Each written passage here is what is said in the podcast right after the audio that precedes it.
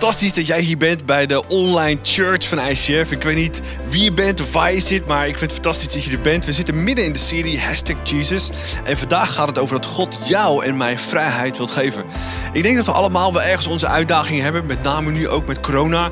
Waarin je uitdagingen in je leven hebt en je eigenlijk niet zo goed weet hoe je het moet aanpakken. Maar één ding weten we, dat de juiste aanpak ontzettend belangrijk is. En het verschil kan zijn tussen slagen, succesvol of falen.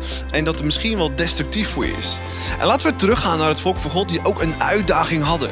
En de uitdaging was niet klein, maar enorm groot. En ze zaten al 400 jaar in gevangenschap als echte slaven. Maar God had een grote belofte voor ze. En ze konden werkelijk waar niet zien dat die belofte ergens werkelijkheid zou worden. En ook zij hadden de keuze: moet ik hier aanklampen aan God en gaat hij ons een doorbraak forceren? Of wat gaat hij doen? En laten we leren van het volk van God over wat hij deed voor hun. Om een doorbraak te hebben, om ze echt te brengen in echte vrijheid. En laten we kijken wat er gebeurt in de Bijbel met het volk en hoe God daarin waanzinnige dingen doet. We lezen dat in Exodus 12. Want ik zal deze nacht door Egypte gaan. En allereerst geborenen van mens en dier doden. Ik zal de afgoden van Egypte vernederen. Ik, de Heere, het bloed aan de deurposten zal voor mij het teken zijn dat daar Israëlieten zijn. Als ik het bloed zie, sla ik dat huis over. Uw eerstgeborenen zullen niet het slachtoffer worden van de straf die ik Egypte ga opleggen. Nou, wat gebeurt hier nu eigenlijk? Dit is de laatste plaag waarin God iets bijzonders doet. Het volk van God zit gevangen al 400 jaar in gevangenschap. En door monden van Mozes zegt God: Laat mijn mensen gaan, want ik hou van ze. En ik wil niet dat ze gevangen zitten. Ik wil dat ze vrij zijn en kunnen genieten van wat ik door ze heen ga doen. En dan doet God iets fantastisch. Hij gaat het volk Egypte vernederen. En wat we moeten snappen van het volk Egypte is, is een aantal rituelen. Religieuze rituelen. Voor hun was bijvoorbeeld de rivier de Nijl extreem belangrijk. Het was niet zomaar een rivier, het was een heilige rivier. En voor hun was dat water in de rivier alles. En ze werden zelfs verafgoden die rivier. Wat we ook moeten snappen is dat dieren in dat land ook heilig waren. Met name een aantal soort dieren. En die waren ook heilig. Kom er niet aan. Wat ook heilig was, was de zon. De zon scheen en ze hadden zelfs een zonnegod Amun-Re. Die ze aanbaden, waarin ze offers brachten. Maar boven het alles was hun farao, de God boven alles. Kom niet aan Farao. En Farao was zo machtig met paleizen en hofdienaren en allemaal officiële mensen en slaven, inclusief het volk van God. Onaantastbaar. Maar God zegt: laat mijn mensen gaan. En het volk van God was totaal gegrepen, vast, gevangen door dit volk. Egyptenaren. De machtigste natie van die tijd. Ze waren sterk op alle terreinen. Onaantastbaar. Maar God zegt, voor mij is alles mogelijk. En God gaat op een waanzinnige manier het volk Israël vrijlaten. En dat doet hij door letterlijk te laten zien wie die werkelijk is en hoe powerful die is. En je kunt je voorstellen als je al 400 jaar in, gevangenis, eh, in gevangenschap zit, dat je misschien alle hoop verloren hebt dat er nog iets verandert in deze situatie. Als de mensen die jou vasthouden de machtigste natie zijn in die tijd. Maar wat doet God? Hij laat zien wie hij werkelijk is. Hij laat zien dat zijn hart voor zijn volk, dat hij gezien heeft en gehoord heeft, hun gevangenschap, hun pijn, hun lijden, dat het genoeg was. En God stuurt tien plagen. En niet zomaar plagen. Plagen te laten zien dat hij één God is. En twee, dat hij de Egyptenaren vernedert en laat zien wie de werkelijke God is. En laten we naar een paar van die plagen gaan kijken om te laten zien hoe God diep ingrijpt en de Egyptenaren diep in hun ziel en hun geloof pakt. En de eerste, een van de plagen was dat de rivier Nijl wordt helemaal doordrenkt met bloed. De rivier die ooit leven gaf en hun afgod was, die stinkt en alles gaat dood. En alles wat ze van deze rivier verwachten, gebeurde iets wat ze nooit hadden verwacht. En dan de volgende plaag is dat God alle dieren van de Egyptenaren doodt. Die heilige dieren die zo bijzonder en belangrijk voor ze waren. En ze wisten zich geen raad. En het hele land stonk van stinkende dieren. Terwijl bij de Israëlieten alle dieren nog leefden. En een volgende plaag is dat het een aantal dagen donker was. In het land van Egypte. Waar was die zonnegod en waar was die power? En waar was die Amun-Re? Die zoveel voor ze betekende en daar elke dag scheen. En elke dag was die afgod daar. En het wordt een aantal dagen donker. En God laat zien wie die werkelijk is. Zelfs de duisternis. En het licht bepaal ik. Maar het diepst werden ze geraakt door de laatste plaag. En God zegt, er komt een plaag, er komt een doodsengel langs. En alleen bij de mensen die bloed aan de deuren hebben van een lam van één jaar oud, daar ga ik voorbij. En anders zal elk eerstgeboren kind of dier sterven. En zelfs de machtige farao, die gezien werd als God, werd diep, diep, diep geraakt. Door het feit dat ook zijn zoon niet bleef leven. En ook hij moest erkennen dat God, de God van de Israëlieten, de echte God was. En dan gebeurt er echt zoiets bijzonders. Farao wordt diep geraakt en wil ze echt uit het land hebben. Weg van alles wat ze kapot gemaakt heeft. Weg van alles wat hij niet had verwacht. En dat is de kracht van God. En in één nacht tijd verliezen de Egyptenaren werkelijk alles waar ze ooit in geloofd hadden. Hun valse goden, waar ze de nut niet meer van in zagen. De geloof in een machtige farao, opeens was alles weg. Hun eerstgeboren zoon of dochters, afgenomen. Hun slaven, kwijt. En al hun rijkdommen het land uit. In één nacht. En ik denk dat we misschien net wel in zo'n situatie zitten als de Israëlieten. Waarin we ook gevangen zitten. In ons hoofd of in ons hart of in onze gewoonten. Of in onze financiën of onze werk of nu met corona. En dan is de vraag, wie is God voor jou en wie is God voor mij? En durven we echt te geloven dat onze God ook ons vrijheid kan geven, zoals God vrijheid gaf aan het volk van God? Dat is wat geloof is, dat is wat vertrouwen is. De Israëlieten konden niet anders na 400 jaar slavernij dan te geloven en te vertrouwen wie hun God was. En dat Hij hun zou bevrijden. En laten we vandaag kijken hoe God ons kan helpen. En welke belangrijke personen in ons leven we daarvoor nodig hebben. En een echte doorbraak ervaren in jou en in mijn leven, waarin we dat zo hard nodig hebben. We lezen dat in Matthäus, daar staat het volgende.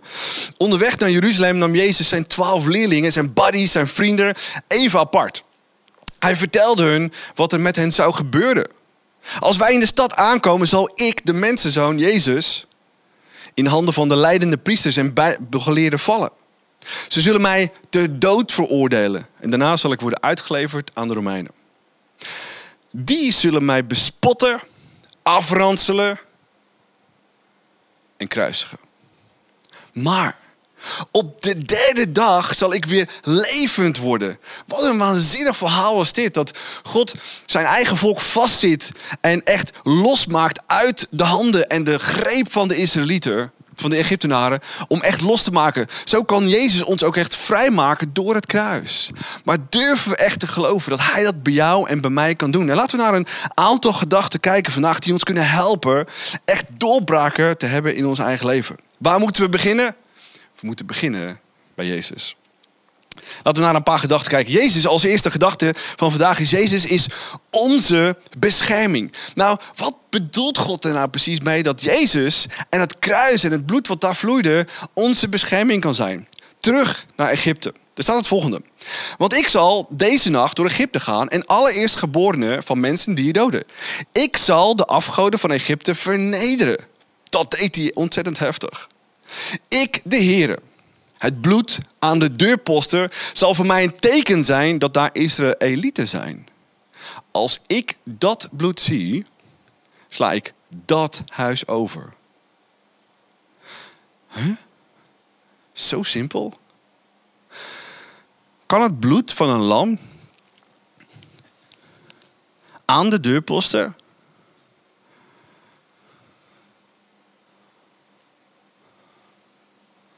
Zo simpel zijn dat ze daardoor gered zouden worden. En je kunt je voorstellen dat die vaders daar stonden. Een eenjarig lam hadden, het moesten slachten en het bloed aan de deurposten moest aanbrengen. En ik denk dat je als vader daar staat, is je denkt, kan het zo simpel zijn?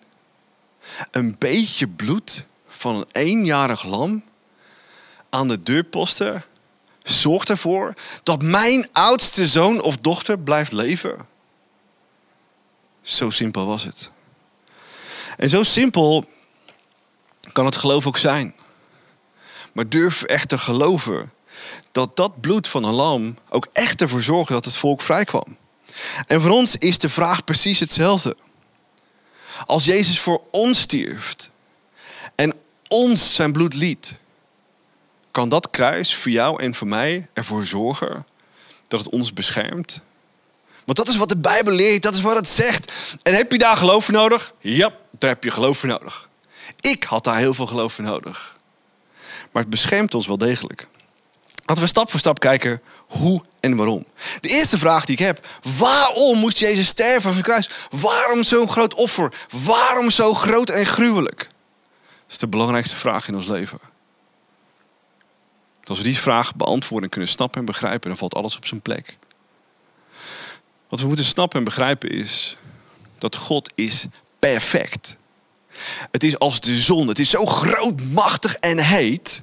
Dat als je daarbij in de buurt wilt komen, moet je van hetzelfde materiaal zijn. Nou, we zijn niet groot en machtig en zeker niet perfect. Al wil je de rest van je leven heilig leven, dan nog zijn we niet perfect in de ogen van God. En God zegt, het bloed aan de deurpost is genoeg om voorbij te gaan.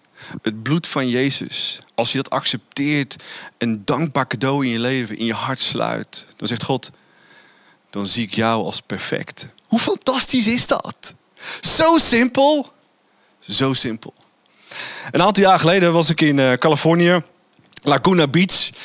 Ik ben een echte ginger. Ik heb een lichte huid, dus ik moet altijd oppassen met de zon. En ik dacht, weet je, ik ga maar twee uurtjes in de zon. Dus waarom heb ik zonnebrand nodig? Dus ik ging daarheen en we zaten heerlijk eh, bij het strand. En het was uh, één uur en twee uur. En ik dacht, van, nou, niks in de hand. En ik ga, kom thuis en ik kijk in de spiegel en ik dacht, oh oh, probleem.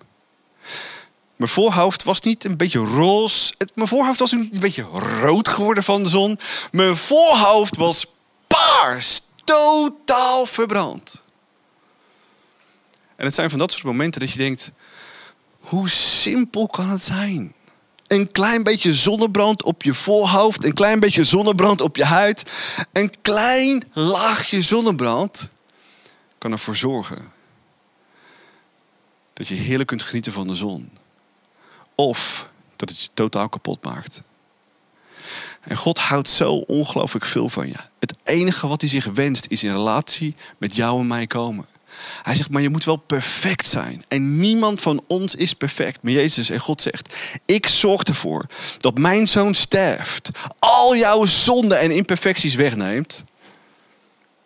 En je perfect bent in mijn ogen. Hoe fantastisch is dat?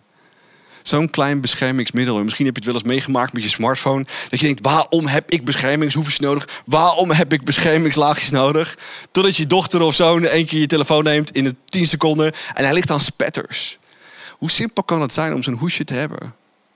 En het bloed van het kruis is, is zo'n beschermingslaag. Is zo'n hoesje die we nodig hebben in het dagelijks leven. Dat is wat we nodig hebben.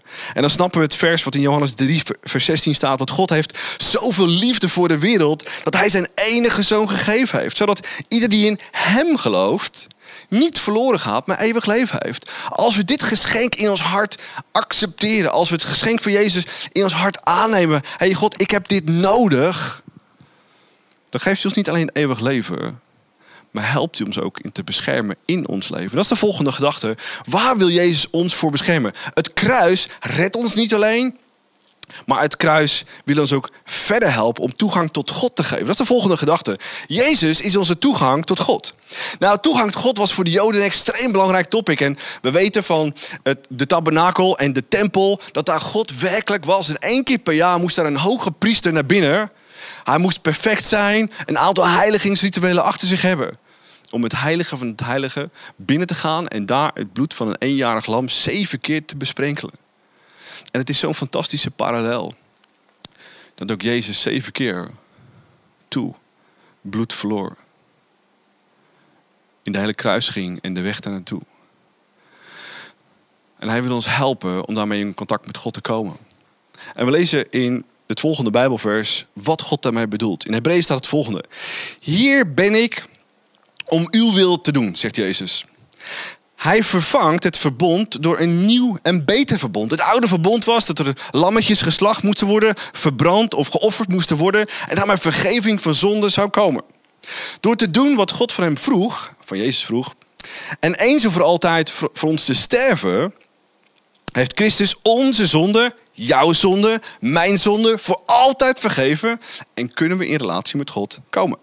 De gewone priesters waren dag in dag uit bezig in het Oude Testament, tabernakel en uh, tempel, om de zonde van het volk weg te nemen, wat ze niet konden wegnemen. Maar nadat Christus zichzelf voor onze zonde aan God had gegeven, als een offer voor alle tijden, alle tijden, ook deze tijd, ging hij aan Gods rechterhand zitten. Nou, wat er gebeurde toen Jezus stierf is iets fantastisch. In de tempel scheurde een dik voorhangsel van het heilige der heiligen dwars door midden, van boven naar beneden. God zegt, ik scheur dat door midden. Waar normaal hoge priesters in en uit kunnen gaan in het heilige der heiligen in mijn aanwezigheid. Daar kan jij ook zijn. Want het is Gods hart altijd al geweest om een relatie met je te hebben. Om met je te wandelen, met je te praten, je hart, je gedachten te kennen. Dat is exact Gods hart. En we snappen nu waarom dat kruis zo belangrijk was. Want op het moment dat Jezus stierf, scheurde dat gordijn van boven naar beneden. En was het niet alleen hoge priesters, maar elk persoon die dat kruis in zijn hart accepteert. Dat bloed van het kruis op zijn hart verft om toegang te hebben tot God.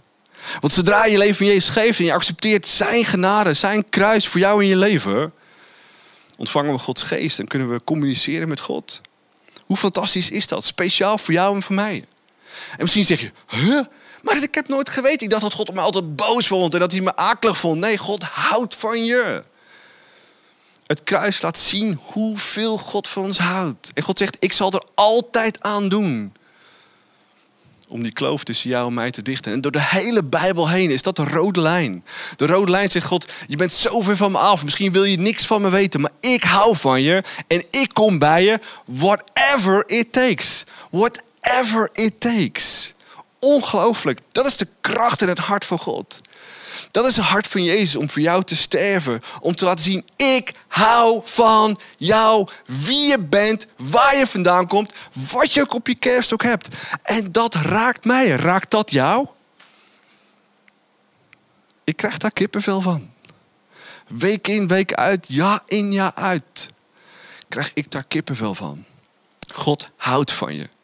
En hij wil een relatie met je. En Jezus zorgt ervoor dat we een relatie met onze fantastische God kunnen hebben. En dan stappen we ook het vers in Johannes 4, vers 14, vers 6. Ik ben de weg, de waarheid en het leven, antwoordde Jezus. Ik ben de enige weg tot de Vader. Omdat Jezus stierf, kunnen we een relatie hebben met God. Die perfect almachtig is. En zijn enig hart is om jou te kennen. Met je te praten. En een doorbraak voor jou te forceren. Om echt vrij te zijn. Wil je toegang tot God? Wil je praten met God? Wil je God ervaren? Er is maar één vraag. Heb je dat kruis, voor wat Jezus voor jou gedaan heeft, ooit persoonlijk hem voor daarvoor bedankt? Heb je ooit persoonlijk tegen Jezus gezegd, ik, ik dacht dat het gewoon een, voor, voor de hele mensheid was. Het is voor jou persoonlijk. Een jaren geleden heb ik tegen Jezus gezegd, bedankt voor dat kruis. En het heeft mijn hele leven veranderd. En doorbraak naar doorbraak naar doorbraak naar doorbraak gegeven. En precies dat wil God ook bij jou doen. Ben je klaar om tegen Jezus te zeggen: Ik heb jou nodig? Want zoals de Israëlieten zeiden: We hebben u nodig. We doen het op Gods manier. God, ik snap er helemaal niks van waarom een lam geslacht moet worden, waarom dat simpele bloed aan die deurposten moet komen. Maar één ding snap ik. Als u dat van me vraagt en dat dat de doorbraak is, dan luister ik en dan doe ik het. Er waren ook genoeg Egyptenaren die dit hadden kunnen doen en het niet deden. En diep geraakt werden. En God wil maar één ding. Hij wil je hart, hij wil je gedachten. Maar durf je Jezus toe te laten in jouw leven. En te zien wat voor doorbraken hij voor jou kan betekenen. Laten we kijken naar de derde gedachte van vandaag. Jezus is ons leven. Bij de Israëlieten is er een heel belangrijk ding. En dat is dat ze met Pascha juist weer herinneren dat dat lam geslacht moet worden. Dat ze herinneren dat ze uit Egypte bevrijd waren. En dat allemaal vond plaats rond het middaguur. Het werd donker. De doodsengel kwam langs. Er waren genoeg huizen waar een kommer en krel was, behalve bij de huizen waarin een bloed aan de deurposten was. En ik kan me zo voorstellen dat er genoeg mensen waren. Kleine kinderen die misschien naar buiten liepen. De oudste. Ik ben zelf ook de oudste. Om naar buiten te lopen. Hey, zit het bloed wel aan de deurpost? Want ik weet niet of ik morgen nog leef. Om te checken of er werkelijk waar wel gedaan was wat God van ze vroeg. En soms denken we dat het een algemeen offer is. Maar Jezus wil ons leven geven. God gaf leven aan de kinderen en de dieren van het volk van Israël. En God wil ook jouw leven geven. Niet alleen voor de eeuwigheid, maar ook hier en nu. En wat ik altijd bijzonder vind bij het kruis is dat er een uitwisseling plaatsvindt. Als we naar het kruis toe gaan, dan geeft Jezus zijn leven voor ons. Er is altijd één principe door de hele Bijbel heen. Als je perfect wilt zijn, dan moet iets of iemand boeten. In het Oude Testament, het Oude Verbond, waren dat altijd dieren die geslacht werden en geofferd werden. En daarmee het volk van God schoon was. In het Nieuwe Verbond, in het Nieuwe Testament, zegt Jezus: Niemand is perfect. Iemand moet boeten. En God zegt: Mijn zoon zal boeten. Dus er vindt uitwisseling plaats bij het kruis. Dus als we naar God gaan met al je gedachten, met al je twijfels, met al je pijn, met al je verdriet, met al je ellende die je misschien zelf veroorzaakt hebt, dan nog zegt Jezus: Kom naar het kruis. En misschien ben je identiteit kwijt, misschien ben je je waarde kwijt. Misschien heb je spijt van alles wat je gedaan hebt in je leven. Jezus zegt: Breng het bij het kruis. Ik wil je vergeven, je schuld, je identiteit. En ik geef je je waarde weer terug. Zo'n fantastisch beeld dat er een uitwisseling plaatsvindt bij het kruis. Want Jezus wil ons echt leven geven. Dat lezen we in Lucas 23. Tegen de middag werd het in het hele land donker. Dat duurde tot een uur of drie. Het zonlicht was al weg. Plotseling scheurde het zware gordijn in de tempel door midden. Op dat moment riep Jezus: Vader, in uw handen leg ik mijn geest. En met die woorden blies hij zijn laatste adem uit. Ergens in je leven komt de vraag: wat ben ik waard? Wie ben ik? Doe ik er nog wel toe? Mijn vraag vandaag aan jou is: wat ben jij waard? Hoe waardevol vind je jezelf? Leef je echt van begin tot eind of twijfel je heel vaak aan wie je bent? Waar je vandaan komt? Waar ga je heen? En Jezus zegt, ik hou van je. En elke keer als ik weer naar het kruis toe ga, dan word ik herinnerd aan het feit dat Hij mijn identiteit is. Waarom? Omdat Hij me waarde teruggegeven heeft. Waarom? Omdat Hij van je houdt. En als je de vraag hebt, wat ben ik waard? Voor God ben je zoveel waard. Dat God zegt, mijn zoon stierf voor jou om je waarde terug te geven. Sommige mensen zeggen tegen me als voorganger: Hey Ari, eh, waarom ben je zo altijd zo'n grote mond en zo enthousiast en zo woo, on fire? Je kan niet anders dan dat als je snapt en begrijpt en toelaat dat God Almachtig, schepper van hemel en aarde en universum, zijn zoon stuurt voor jou en voor mij. Dat is een explosie in mijn hoofd. Dat is explosie in mijn hart. Dat is pure dankbaarheid voor wat Jezus voor me deed. Maar durf je toe te laten dat hij echt leven geeft? Durf je toe te laten dat hij iets bijzonders doet en wil doen in jouw leven? En als je het toelaat in je leven gebeuren er twee dingen. Als je Jezus toelaat in je leven gebeuren er twee dingen.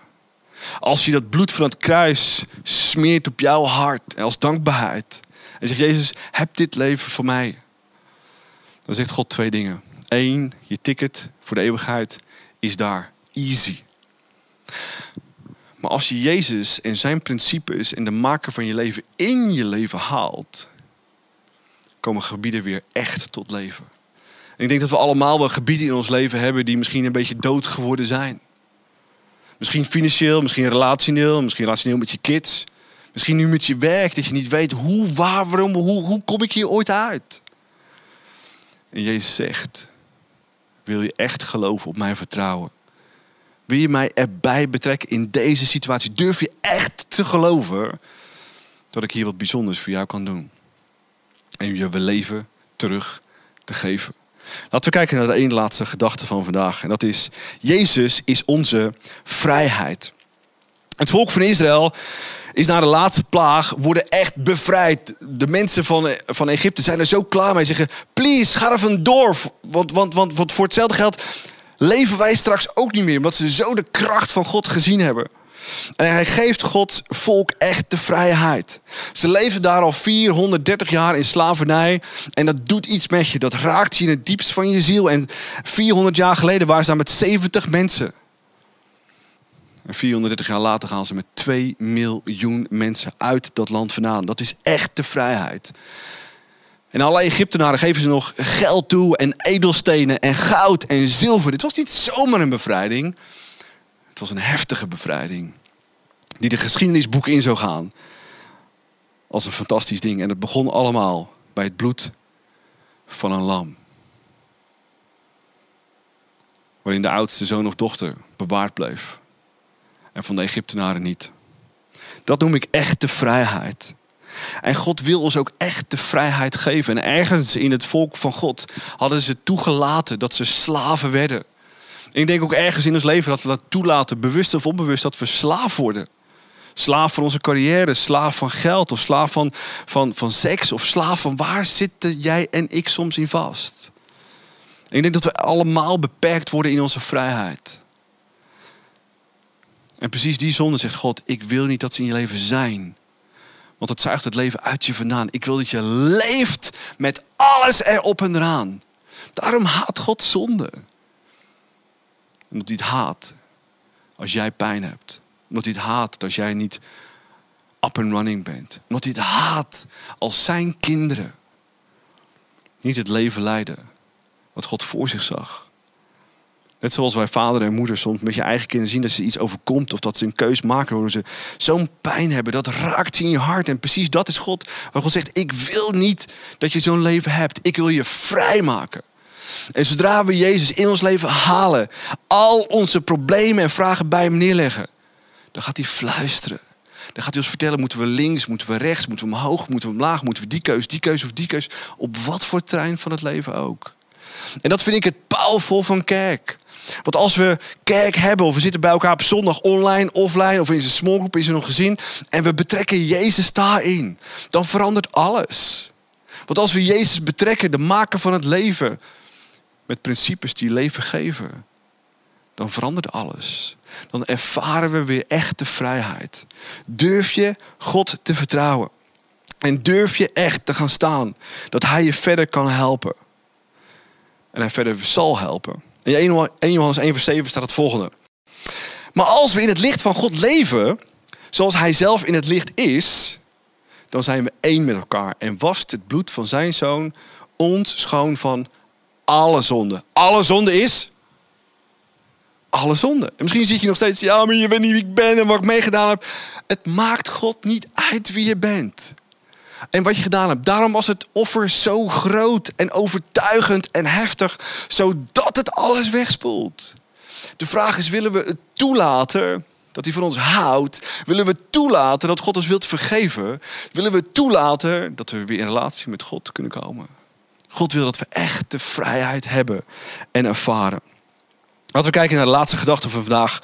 Jezus is onze redding. En ik vind dit punt het meest fantastisch in deze hele message. Waarom?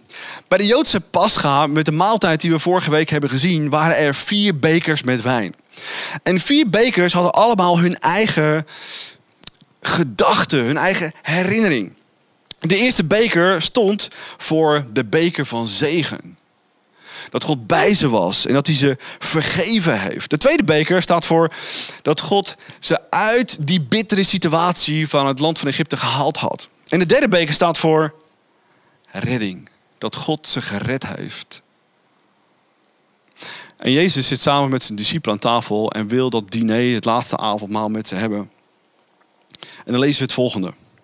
Na het eten nam hij ook de beker en zei: Deze beker is het nieuwe verbond dat wordt bekrachtigd met mijn bloed. Drink die geregeld als herinnering aan mij. En dit was de derde beker.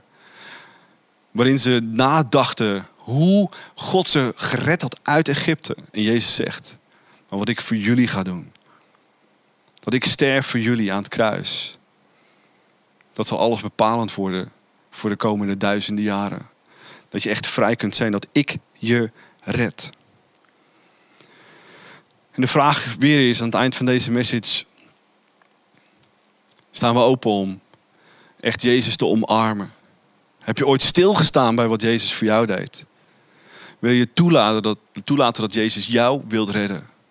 In jouw situatie, in jouw pijn, in jouw keuzes, waar je nu ook zit. Misschien al problemen en ellende uit het verleden. Durf je te geloven dat hij je wilt helpen? Of de problemen die nu ontstaan zijn, nu met corona. Misschien op je werk, misschien financieel. Durven we Jezus te betrekken en te vertrouwen dat hij jou gaat helpen? Jezus wil je redden. Jezus wil ons echt de vrijheid geven. En het lijkt soms zo simpel door Jezus in je leven te halen. Maar als we God almachtig in ons leven halen, hebben we alles wat we nodig hebben. Ik wil jullie de gelegenheid geven om voor jezelf misschien gebruik te maken van het avondmaal wat je klaargezet hebt. En misschien heb je nog niks voorhanden, maar pak misschien simpel een, een, een, glas water of, of, of iets van sap. En iets wat van brood of iets dergelijks of crackers. En, en misschien na te denken tijdens het nummer wat we zo gaan luisteren. Wat Jezus voor jou deed. Dat zijn lichaam gebroken is en dat zijn bloed voor jou gevloeid is. En simpelweg hem in je armen te sluiten. Zeg, dank u wel, Jezus, dat u dat voor mij gedaan heeft. Misschien zeg je, hey, ja, ik ben wel klaar om al die crap in mijn leven te hebben. En misschien wil je echt wel dingen achterlaten. Misschien zonde of pijn of verdriet. En tegen Jezus zeggen, genees me, maak me weer echt vrij. Wat het ook is. Laten we nu de tijd nemen om datgene wat Jezus voor jou wil doen, om je vrij te maken, om je hart weer te vullen met zijn liefde. Ook echt toe te laten. Ik stel voor dat we samen afsluiten die gebed en Jezus echt uitnodigen in ons leven. Jezus, dank u wel voor wie u bent. Dank u wel dat, dat uw kruis een ongelooflijk groot offer was. En dank u wel, God, dat, dat het altijd uw hart geweest is om ons in relatie met u te brengen. Ons echt vrij te maken. En dat het, dat het beeld Israël zo'n onwijs beeld is. Dat u mensen vrij kunt maken. Dat u een volk van 2 miljoen mensen vrij kunt maken van de machtigste natie van destijds. En Jezus, we hebben allemaal onze uitdagingen. En hier vandaag durven we te geloven dat u bestaat, dat u voor ons gestorven bent. En dat uw bloed, dat het u zelf in mijn leven mij kan reinigen van alles wat me tegenhoudt. Jezus, ik wil mijn leven aan u geven. Ik wil mijn pijn en ellende en verkeerde keuze aan u te geven. Zodat ik weet dat ik weer totaal gereinigd word in mijn hoofd en in mijn hart. En ik weer van mezelf kan gaan houden. Want u houdt van mij. En dat is het enige wat telt. En Jezus, ik wil ook in mijn leven hebben. Om stap voor stap gebieden in mijn leven tot leven te laten komen. Weer echt vrij te worden in mijn hoofd en in mijn hart. En in alle gebieden van mijn leven waar ik nu stak zit. Omdat ik geloof en weet, u houdt van me. U wilt een relatie met me. En u wilt dat alle gebieden in mijn leven tot leven komen. Zodat ik echt vrij kan zijn en blijven. Ik wil dicht bij u blijven vanaf de dag van vandaag. Zodat geen dag en geen jaar meer hetzelfde is. Jezus, dank u wel voor alles wat u voor mij gedaan heeft. Aan dat kruis. Kom in mijn leven. Dank u wel.